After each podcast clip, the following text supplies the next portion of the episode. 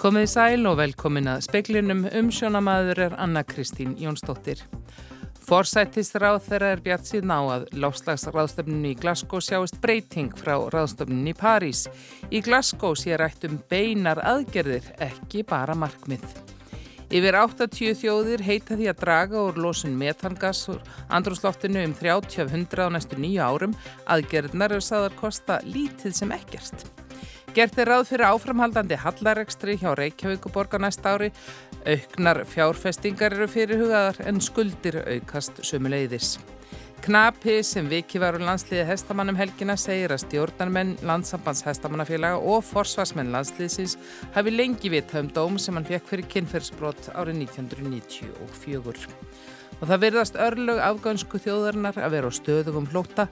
Margir þeirra sem snýru heimur útleð fyrir 20 árum við fall talibanastjórnarinnar flýja nú landið en á ný segir fréttarittar okkar í Kabul. Katrín Jakobsdóttir fórsættisráð þeirra ávarpaði lofslagsráðstöfnuna í Glasgow í dag. Hún sagði meðal annars að markmiðin frá Parísarráðstöfnuna árið 2015 digði ekki til að hemja hlínun jarðar, gera þyrti betur. Ísland væri eitt forra ríkja sem hefðu lögfest markmið um kólefnislutleisi og að það er ekki setna en árið 2040.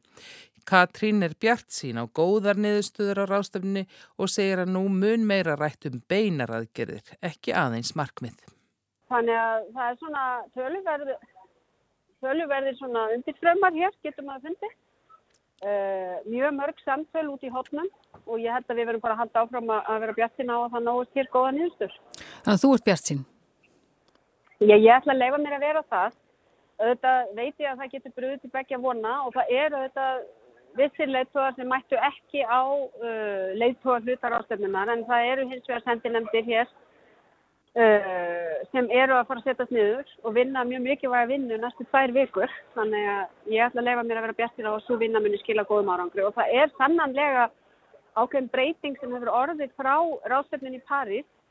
Uh, við getum alveg, ég get alveg sagt það að umræðan er komin á miklu svona aðgerða miðaðra form. Það er meira verið að ræða beinar aðgerðir og ekki bara markmiðs og hverju þar aðgerðir að skila. Saði Katrín Jakobsdóttir í Glasgow fyrir í dag. Jóhanna Vigdís Hjaltadóttir talaði við hana. Fulltrúar yfir 80 þjóða og loftslagsraðstöfnu saminuði þjóðan í Skotlandi héttu því í dag að draga úr losun metangas úr andrúsloftinu 30 af 100 fyrir árið 2030. Aðgerðin er sögt er sögð skipta miklu máli til að koma í veg fyrir hlínun andrumsloftsins. Milliríkja nefndum loftslagsbreytingar byrti um það upplýsingar í ágúst að metangas hefði marktæk áhrif á hlínun andrumsloftsins. Mánuðið síðar tilkynntu bandaríkin og Evrópusambandið um áttak til að draga úr losun metangas og í dag greindi fórseti framkvæmda stjórnar ESB frá því að yfir 80 ríki ætluð að taka þátt í áttakinu. Að sögni vísindamanna skiptir það umtalsverðu máli. Standist áallanir ætti það eitt og sér að leiða til 0,3 stega minni hlínunar fyrir árið 2040 en ella hefði orðið. Aðsokn Breska ríkisútvarpsins ætti það að vinna með átækinu að það hefur lítinn sem engan kostnaði för með sér. Justin Trudeau, forsættisar á þeirra Kanada, greindi frá því áraðstefnunni í dag að Kanadamenn ætluði að gera enn betur. Stefna þeirra væri að draga úr losun á metangasi um 75 af 100 fyrir árið 2030 frá því sem hún var árið 2012. Hann sagði að tæknin til að ná markmiðinu væri þegar til staðar. Hins vegar hafa nokkrar stórar losunar þjóðir ekki tilkynnt um þáttöku í átækinu svo sem kynverjar, rússar og indverjar. Reykjavíkur borg verður rekinn með 3,4 miljardar halla á næsta ári en borgarsamstæðan með 8,6 miljardar afgangi sangkvæmt fjármála áætlun sem kynnt var í dag. Skuldir borgarnar aukast. Borgarsjóður verður rekinn með halla á næsta ári sangkvæmt fjármála áætlun þriði árið í rauð. Auk fjármála áætlunar næsta árs var 5 ára áætlun kynnt í dag. Hallaregstur borgarsjóðs nefnur rúmum 3 miljardum á næst ári og skuldir aukast um 24 miljardar. Áætlaðar tekjur borgarinnar nefna 151 miljardi á næsta ári. Tæpra 9 miljardar afgangur verður af reksteri borgarsamstæðunar en það auka skuldir og verða 424 miljardar í lók næsta árs. Skóla og frístundasvið borgarinnar fær mest fér til umráða af einstökum sviðum borgarinnar, 63 miljardar króna. Næst kemur velferðasvið með útgjöld upp á 36 miljardar króna. Fjárfestingar borgarinnar, fyrirtækja hennar og stopnana verða á bylinu 50 til 60 miljardar króna á ári næstu þrjú árin samkvæmt áætlunum. Það er umlega tvöföldsú fjárhæð sem var nýtt til fjárfestinga árið 2016. Brynjólfur Þór Guðmundsson tók saman. Knapi sem rekinu var og landsliði Íslands í hesta íþróttum segir að stjórnarmenn landsambands hestamannafélaga og landsliðsins hafi vitað fullvel að hann hefði hlotið dóm fyrir kynferðsbrott árið 1994. Jóhann Skúlason sem keft hefur fyrir hönd Íslands í hesta íþróttum um árabil var dæmtur árið 1994 fyrir að stunda killið með stúlku undir lögaldri. Hún var 13 ára. Jóhann var dæmtur í fjöra mánuða fangelsi þar af þrjá mánuði skilóspundið. Á sunnudaginn var hann rekin úr landsliði hestamanna. Í yfirlýsingu frá stjórn landsabans hestamannafélaga segir að hún hafi nýlega fengið vittnesku um málið. Þá hafi Jóhann einnig hlutið dóm fyrir ofbeldisbrot í Danmörku árið 2016. Jóhann segir að ákveðin hópurinn innan stjórnar LH og fossasmenn landsliðsins hafi vitað á dómnum í mörg ár. 27 ár séu liðin frá því að dómurinn fjall og hann hafi kæft fyrir Íslands hönd allt frá árinu 1997. Hann undrast skref Guðna Haldóssonar stjórnarformans í morgunblæðinu þar sem Guðni segir að sambandið hafi viljað breyðast hratt við í ljósi þess að dómurinn sé löngu fallin. Þá nái reglur 5 og ISI um að þeir sem hljóti dóma fyrir kynferðisbrot skuli ekki valdir til starfa innan íþjóttarhefingarinnar, ekki til knapa, heldur aðeins launþega og sjálfbúðaliða. Í lögum ISI sem stjórn LH vísar til segir að óheimilt sé að velja einstakling sem vita er til að hafi hlutið refsidóm vegna kynferðisbrota til starfa innan íþróttarhefingarinnar. Þetta gildi bæði um sjálfbúðaliða og launþega. Sigurbjörn Barðarsson, landsliðs einvaldur, segir að hann hafi vitað óljóst af þessu máli þegar það kom upp, en tíðarandin hafi verið allt annar en nú og málið líti rætt. Það hafi komið flatt upp á hann þegar frá því var greint í mannlifi í senstu viku. Bjarni Rúnarsson sagði frá. Þrýr finskir bladamenn gætu átt yfir höfði sér fjögur ára fangelsistóm fyrir umfjöllun í dagblæðinu Helsingin Sanomat. Þar var fjallað um finska varnarmálaráðunettið og breytt stjórnarskrár ákvæði sem veitti ráðunettinu svigurum til aukins eftirlits. Ákjæruvaldið segir að bladamennir hafi ofinberað leynileg gögn og þannig ógnað þjóðaröryggi. Bladamennir segja öll gögn hafa verið sótt og byrt með löglegum hætti. Evropasamband bladamanna og finsk bladamannasamtök hafa fordæmt ákjærna sem þykir einstök í líðræðisríki. Mjölkursamsalan stendur árlega fyrir teknisamkeppni fyrir fjórðubekkinga í grunnskólum landsins í tilipni af alþjóðlega skólamjölkurdeginum. Foreldrar hafa nokkri gaggrínt að stórfyrirtæki fái aðganga bönnum og líka gaggrína fulluriðingar um hotlustu mjölkur sem þeim þykja úreldar. Í mörgum grunnskólum landsins eru börn fenginn til að taka þátt í samkeppninni. Myndefni nefnda er frjálst en sagt að það megi gerðnan tengjast mjölk og íslensku sveitinni eða hotlustu og heilbriði. Það þykir ímsum skjóta skökku við þar sem hotlustu gildi mjölkurvara er ekki óum deilt. Eirun Gísladóttir, móður og grænkeri, segir sérkennilegt miða við hvað margir þóli illa neyslu mjölkurvara að hamra sig á því að hún sjókur holl. Eins sé máli sérstakt frá sjónarhóli sístækkandi hóps grænkera. Við mannfólki verum einu dýrin sem að neytum sko, mjölkurvara frá öðru dýri. Það er ekkert annað dýr sem fer og fær sér að spena af öðru dýri. Gaggrinninn snýr einning að því að stórfyrirtæki reynið að auka sínileika sinni gegnum grunnskólabörn. Það er meðal annars vísaði lögum viðskiptahætti þar sem hveður á um að óréttmætt sé að láta í auglýsingu felast beina kvartningu til barna um að kaupa auglista vöru eða telja foreldra þeirra eða aðra fullorna á að kaupa hana. Mér, mér finnst þetta náttúrulega bara brenglað að, að það sé eitthvað að vera að koma stór fyrirtæki að stór fyrirtæki geti komið inn í skólana og verið með næstum því áróður um mjölkvörur. Þú veist, þetta er alltaf svona upp á þrengjandi viðskiptahættir. Sagði Eirún Gísladóttir, Anna Þorbjörg Jónasdóttir tók saman.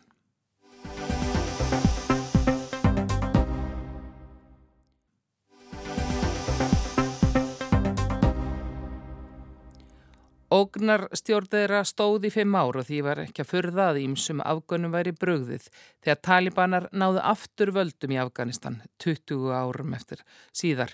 Jón Björgvinsson, fréttarittari útarsins kannaði ástandið í höfuborginni Kabul tveimur og hálfu mánuð eftir valdatöku talibana.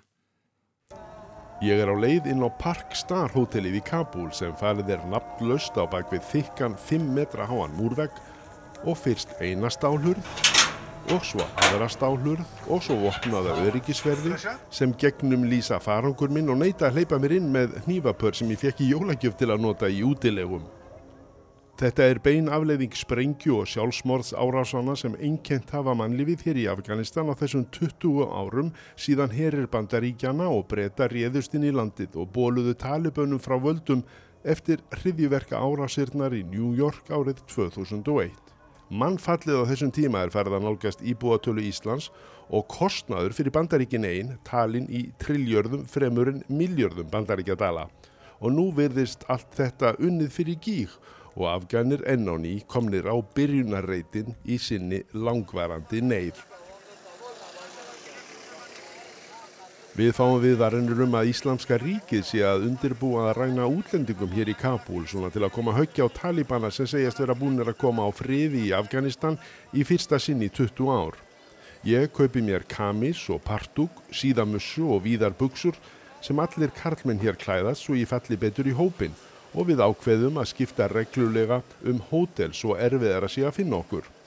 Reyndar ekki hlaupið að því fyrir útlendinga í þessari borg að finna bæði hótelin og veitingastæðina. Þau eru vel falin á bakvið ómertar stálhurðir eins og Park Star hótelið sem núna er fullt af afgönum sem búinir er að selja allar sínar eigur til að abla farareiris og býða síðan hér eftir að komast úr landi.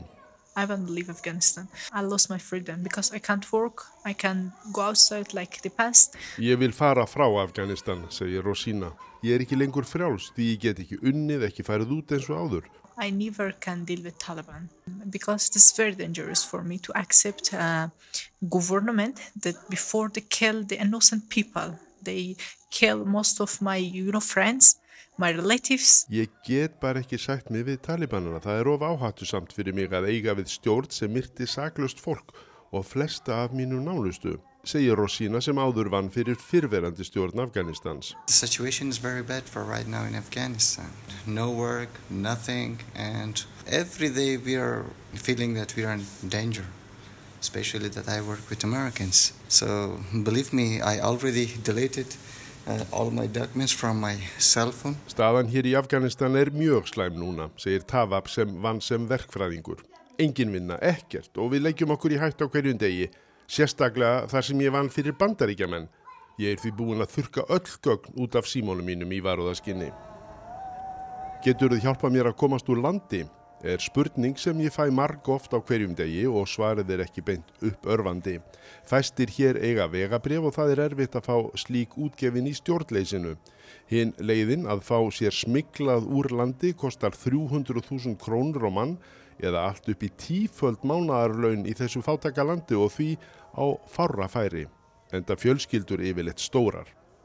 Ég flög hingað í tómri Boeing breyðþótu sem síðan var drekklaðinn af flottamönnum þegar hún helt tilbaka hínaleðina. Það eru einhverjum Katarar sem nú flytja flottamenn hérðan en það eru það hermenn frá Katar sem gæta flúvallarins í Kabul. En það eru 2000 hér sem býða eftir að komast á þessi flug, jafnvel þótt þeir séu með gild vegabrif og búinir að fá hæli í öðru landi, sem er skilirði eins og til dæmis á Íslandi sem er að reyna að koma samtals 120 flótamönnum hérðan. Það virðast örlög afgönsku þjóðarinnar að vera á stöðu um flótta og margir þeirra sem snýru heim úr útleið fyrir 20 árum við fall talibanastjórnarinnar þá eru nú að flýja landið enn og ný líkt og miljónir afgana sem búa nú utan landsteinana. Það er erfitt að líta björtum augum til framtíðarinnar hér í Kabul. Stór hluti borgarbúa misti vinnu þegar alþjóðastofnanir og sendir áður lokuðu og eimdinn blasir hvarvetna við. Bettlandi börn, allt niður í fjögur að fimm ára aldur og fatlaðir skrýðandi eftir gödunum í leitað ölmusu. Landið er útbíjað jarðsprengjum eftir hvern herin á fætur öðrum og 2000 afgana bera þess varanleg merki. Til að skilja þetta þjóðfélag og öflin sem hér takast á er einfaldast að rifja upp það sem við lærðum um sturlunguöldina eða kristnitökuna í okkar eigin sögu. Ættir og lénsherrar að takast á, Átökum trúarbröð og árekstra sem verða þegar landslög eiga erfitt uppdráttar gagvart lögum trúarinnar eða reglum hefðarinnar þar sem blóðhemd er viðurkend gjaldskrá. Þetta er erfitt að lifa við fyrir unga kynnslóð hér í höfuborginni Kabul þar sem konur hafa verið grítar og brendar fyrir litla sög, alveg óháð talibönunum. Kona sem ég rætti við og hafi verið nógu kjartmikil til að taka þátt í kröfugöngu kvenna fyrir endur hendu frelsi og mentun slapp óskölduð frá talibönunum en var barinn svo á sá þegar heim var komið að bróður sínum fyrir þessa óhlýðni. Og ung bladakona átti miklu vandraði með að leia sér íbúð hér í Kabul á samt feimur stallsistrum, slíkt bara gerist ekki eða gerðist ekki nema með þeim skilirðum að engin kallmaður kæmi nokkuð tíma þákað í heimsókn, ekki einu sinni fjölskyldu meðlimur. Á leiði viðtal við einn nýja ráþeran var ég í för með erlendri bladakonu sem fjekk ekki aðganga að ráðunitinu þegar holminn var komið. Á allri minni starfsæfi hef ég aldrei leintið því að vera stöðuð fyrir þá sög eina að vera kona, sagði hún, en líkt og í skólum og á vinnustöðum í Afganistan þaðan sem konur eru nú hortnar, var skýringi svo að það væri ekki búið að koma upp aðstöðu og þjálfa konur til að framkvæma vopna leita konum eða ekki búið að skilja að vinnusvæði kvenna og karlas og konur getur aftur snúið til starfa og náms. Vitalega þetta engum í hug að karlar get ekki snúið aftur til starfa á meðan ekki væri hægt að skilja þá frá konum en ekki öfugt. Afganir eru vanir að fara úr öskun í eldin og að gjalda fyrir þessa röð af mislukkuðu erlendu yngripum og pólitísku og hernaðarlögu mistökum sem landið þeirra er og það er erfitt að sjá hvað varðum alla erlendu miljardana sem dælt var inn í landið eftir fall Talibana fyrir 20 árum. Leppstjórnin sem stýrði landinu var svo spilt og veikburða að talibanar gáttu bara svo gott sem gengið óhindrað inn í stjórnaráðið og tekið það yfir þegar þeir tóku við taumunum á nýju. Og eins og sést á flóttamannaströmmnum úr landinu eru afganir mjög uggandi um framhaldið í ljósi reynslu sinnar af þessum herrum fyrir 20 árum. Það sem allt frá tónlist til kvenna utan múra heimilisins var haram eða, eða bannað. Ég er komin aftur upp í flugvél á vegum Katar sem er að flytja nokkra bladamenn og 300 flýjandi afgana úr landi og ótrúlegt en satt líka mennina sem þeir eru að flýja undan. Amir Khan Murtaki, utanríkisráð þeirra og föruniti hans á leið til fundar í Doha og Sabiula Mujahin, upplýsinga og menningamála ráð þeirra Talibana sem staðfestir þegar við fljúum yfir ægi fagra og snæfi þakta tinda Afganistans að helsta verkefni hans sé raun og veru að banna flest af því sem ráðuniti hans stendur fyrir. Það er að segja upplýsingar og menningu.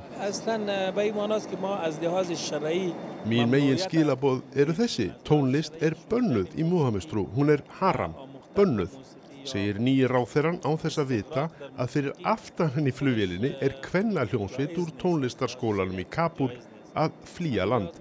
Nefnendur skólans hafa haldið tónleika víða um heim sem fulltrúar afgjönsku þjóðarinnar en eru nú að reyna að komast úr landi allir sem einn. Þeir ætla að endurreisa skólastarfið í Portugal þar sem þeim hefur verið veitt menningarlegt hæli.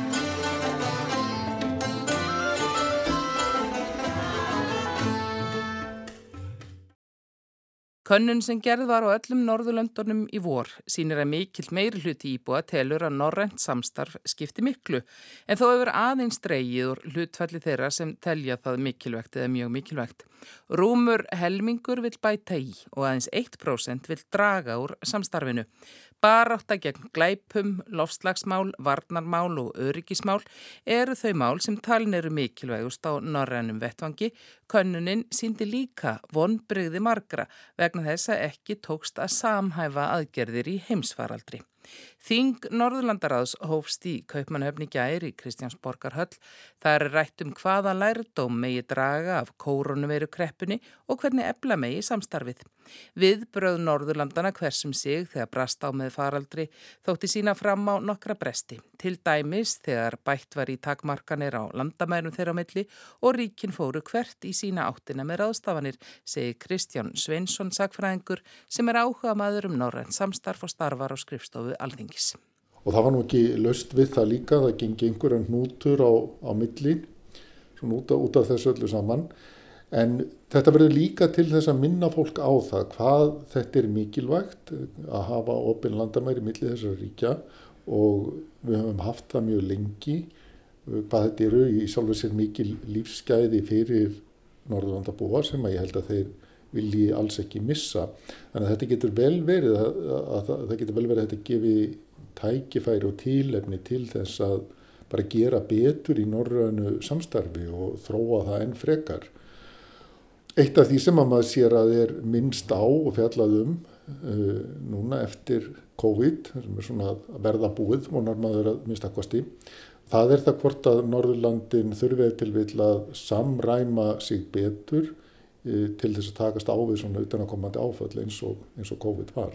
Leitin að því norræna hefur lengi staðið yfir og stendur enn. Samfélagin sjálf og heimurinn í kringu þau tekur sífældum breytingum en hugmyndina um norrænt bræðra og sískina þel má rekja aftur til 19. aldar og saminningar Þískaland, segi Kristján. Þá fara menn að líta niður með nefin á sér á Norðurlöndum og, og kanna það hvort að það sé ekki til, til að bræðast við þessu með nánara samstarfi Norðurlandana og Þangað liggja rætur skandinavísmanns, hugmynda um norrænt ríki bara, eitt, eitt allsirja sem væri þá fyrirmynd í Kalmarsambandinu og miðaldaríkinu. Það hefur náttúrulega ekki orðið eins og við vitum og ég held að sé ekki neitt sem bendir til þess að það verði.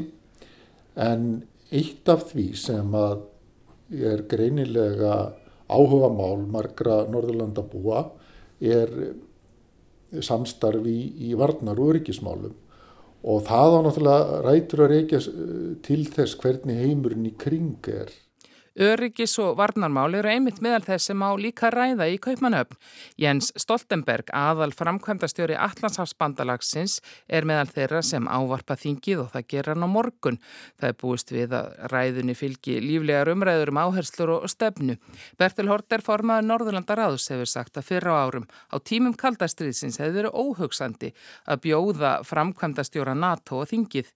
En nú hafi vægi varnarsamstarfs aukist, Norður Allandshafið Miðjarðarhafið og Norðurskautsvæðið orði mikilvægra.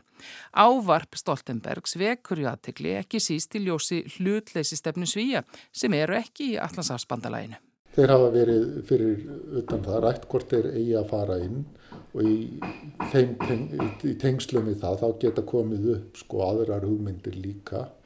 Eh, nú held ég reyndar að það sé ekkert sem bendir til þess að neina þeim þjóðum sem eru í NATO séu leiðinni þaðan út en svona hræringar og hreyfingar í veröldinni og bara í nágrenninu, ná, nágrenni Norðurlandana geta gefið til, til þess að, að eh, bæði stjórnmálamenn og, og eh, bara almennir Norðurlandabúar vilji hugsa eitthvað um þessi mál og jáfnvel upp á nýtt. Í kvöld verða veitt verðlaun Norðurlandaráðs fyrir bókmyndir, badna og unglingabókmyndir, tónlist, kvikmyndir og umhverfismál.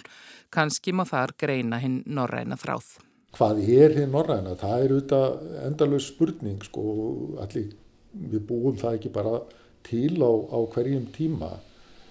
Þegar að til dæmis norræna félagi byrjaði að starfa þá var það mikið og langvarandi verkefni að fá norrænu þjóðurnu til þess að hugsa á hlýleiri hátt hverjum aðra vegna þess að í sögu þeirra eru auðvitað langvarandi deilur og stríð sem að þurft að hveða nýður og það þurft að hveða nýður áróðusögurnar um þetta líka og það stóð áratugum saman e, verkefni að endur skoða kjenslubækur. Það þurft að búa til þennan norræna hugmyndaheim. Og Kristján velti því fyrir sér hvort Norðurlanda Þing sem hefði ríkara hlutverk og jafnvelirði kostið til beint gæti þjappað Norðurlanda búum saman. Bretar segjast fylgja settum reglum í samningi sínu við Evropasambandið um útlutun veiðileifa til franskra fiskibáta. Frakkar segja breta láta brexit bitna á franskum bátum. Frakkar hafðu hótað viðskiptahindurinn gegn bretum frá og með deginum í dag en hafa nú frestaði þar sem að viðræður eru í gangi. Sigrun Davistóttir þú hefur fylst með þessum deilum. Frakkar dróðu skoskan fiskibát til franskara hafnar í síðustu viku en svo var eitthvað óljóst hvort að bátnum var sleft í dag eða ekki. George Eustace, sjárútvisar á þeirra breyta, sagði í morgun að bátnum hefði verið sleft en svo var það búið tilbaka að talsmanni fórsætsráð þeirra. Báturinn er víst enn í franska hafnarbænum Luavr og hefur skráðað næsti áfangastæður sé frelsi en það er óljóst hvenar báturinn kemst allalegna þangað. Orsökin að þessum deilum er auðvitað Brexit, útganga breyta úr Európa-sambandinu. Það er nú fleiri sem veiða fisk í ESB en frakkar. Af hverju deila breytar við frakka? Frakkar veiða innan tólmínla landhelginar þar sem þeir hafa veitt um aldir. Aflinn núna er mest hörpudiskur svo þetta eru smábátar með þryggja til fjóra manna áhöfn. Sankvæmt útgöngusamningi breyta og ESB þá geta bátar sem hafa veittarna áður sótt um leifi og þurfa þá að sína gogn úr GPS staðsetningakerfinu til að sanna fyrir veiðar. Umrættir bátar verðast ekki hafa slíkt kerfi og smá deilu efni um hvernig standa á því, svo breytar sæjast ekki geta afgriðt leifin og frakkar hins vegar sæja þetta hreinan fyrirslátt. Frakkar þeir ætluði að setja viðskiptahindranir í dag en hafa frestaði. Af hverju eru þessi sinnaskipti? Boris Johnson fórsætsraður að breyta og Emmanuel Macron, Fraklands fórseti, tóku sér tíma í að ræða fiskveið deiluna í loftlags viðræðum G20 landana um helgina, sendu svo reyndar út mismunandi frettir um þær uh, viðræður, einn vísbendingin uh, um þessi grílukerti á, á milli leðtógana En allavega frakkar hættu við aðgerðnar og brettar segjast nú veita 49 leifi í viðbót við, til þessara umdeildu fransku báta. Þannig að það hafi verið tilslaganir á báða bóa. Nú Johnson og Macron eru báður á lofslagsfundunum í Glasgow og sagði í dag að viðræður myndu halda áfram. Og hvert verður framhaldið? Það eru viðræður í gangi vegna ímissa brexit-mála og þá líka um fiskveiðmálinn. Clement Bone, uh, Evrópuráþara frakka, uh, fer með þessi mál og er núna búin að bjóða David Frost, brexit-ráþara, til fundar í París á fymtudaginn, svo það er það næsta. Það hljómanur ekki eins og andrumsloftið millir frakka og breyta síðan sérlega gott. Það er ótt að segja að sambandið er við Frostmark. Brettar segja frakka vera með hótanir um ólöglegar aðgerðir Frakkar segja deiluna bara enn einn Brexit-kaplan. Þetta hefði allt mátt leysa ef að breytar hefðu viljað. Það er reyndar skondið að normenn og Íslandingar voru að semja um kolmuna og loðnuveiðar eh, nú nýlega við ESB eh, e og breyta hér í London. Það var algjörlega utan sjónmáls fjölmila og þar fór heldur ekki mikið fyrir sjálfstæðistali breyta sem annars heyrist í sambandi við deiluna við frakka svona þegar að fjölmiðlar heyra öruglega til. Og menn tengja þetta bæði frakkar og Európa-sambandi þessa deilu við Brexit eða hvað? Frakkar sjá þessa deilu í samhengi við deiluna um Norður Írland. Eh, þeir líta á þetta sem enn einn Brexit-kaplan. Eh, Bretar ekki alveg sammála því. Það fer stórlegi taugarnar á frönsku stjórninni að þeim finnst málflutningur Borisa Johnsons og annara Brexit sinna einn allserjar síndarleikur og plat. Bretar hamrið stöðugt á að Brexit sé ávinningur sem breytar bara græði á en það hefur ljóslega orðið algjör trúnaðabrestur þarna á milli og þetta er allt saman ólseitt viðregnar uh, út af því. Nú ESB telur að breytar leiti allra leiða til að ganga bak orða sinna varðandi Norðuríland og þetta smítist þá á fiskviðarnar. En samkomlegum fiskviðarnar myndi það benda enda á yllindi milli nágranna þjóðana? Líklega ekki. Í Breitlandi telja menn að eh, Macron sé að gera hósu sína grænar fyrir eh, sjómanum til að búa í hægin fyrir fórsetakostningarnar næsta vor. Heima fyrir þarf Johnson að snúa öllu Brexit tengt upp í sigur til að berja bumbur fyrir Brexit. Samkvæmt eh, sjálfstæðri breskri efnarstofnun mun Brexit verða breytum tvöfald dýrara en COVID. Svo já, stjórnin þarf á Brexit sigurum að halda. Nú frakkar og ESB talja því að blekkingartalið haldi áfram og þá líka ergjelsið sem það tal vekur. Svo það eru svona væringar að báða bóa skulum við segja. Og veðurhorfur á landinu til miðnættis annað kvöld eru þær það verður suðvestlaga átt kaldiða strekkingur og dáli til væta vestanlands á morgun og hægara og bjartviðri eistra. Klínandi veður. Fleiri er ekki speklinum í kvöld, tæknum aðri útsendingu var Markus Hjaldarsson, veriði sæl.